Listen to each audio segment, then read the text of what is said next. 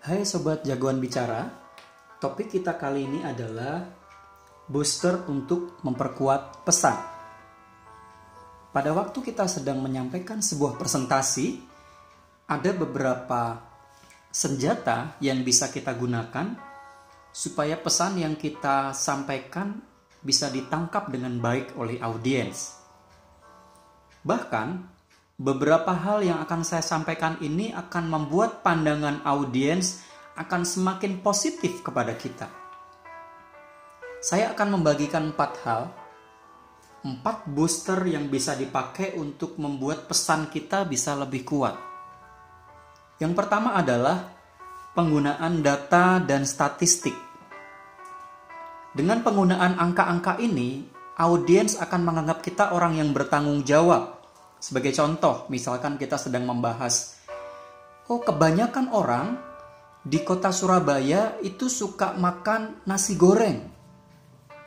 Beda sekali kalau misalkan kita menyampaikan sebuah data penelitian dari organisasi A tahun 2019 bahwa orang Surabaya 30%-nya suka makan nasi goreng.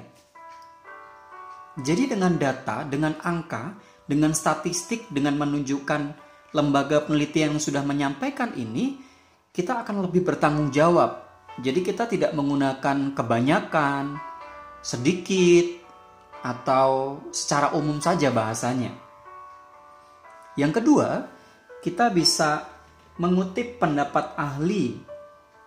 Jadi ada banyak sekali ahli-ahli yang pendapatnya bisa kutip. Sehingga jelas sebagai seorang pembicara kita harus bertanggung jawab dengan apa yang kita sampaikan.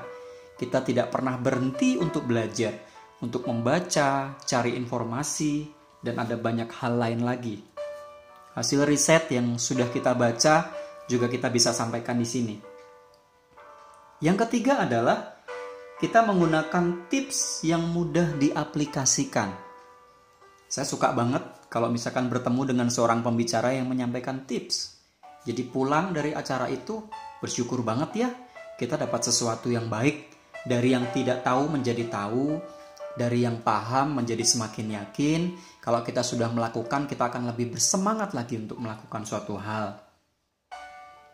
Yang keempat adalah pertanyaan refleksi. Pada waktu kita mengajukan pertanyaan yang tepat, maka audiens akan sungguh-sungguh menangkap materi itu, lalu dia bisa mengaplikasikan di dalam hidupnya. Contoh saja, Waktu, waktu kita mengakhiri presentasi kita, kita bertanya, Bapak Ibu Saudara, apakah selama beberapa bulan ini kita menyiapkan waktu untuk mengembangkan diri? Atau kita ajukan sebuah pertanyaan, apakah selama ini kita sudah menjadi pribadi yang bermanfaat buat orang lain? Lalu kita bawa pertanyaan itu dan audiens akan berpikir, iya ya, Beberapa bulan ini saya hanya melakukan aktivitas begitu-begitu saja.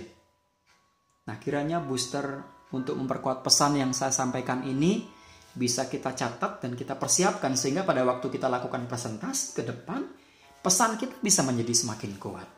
Oke, sukses buat kita semua. Saya Andreas Agus dari Jagoan Bicara.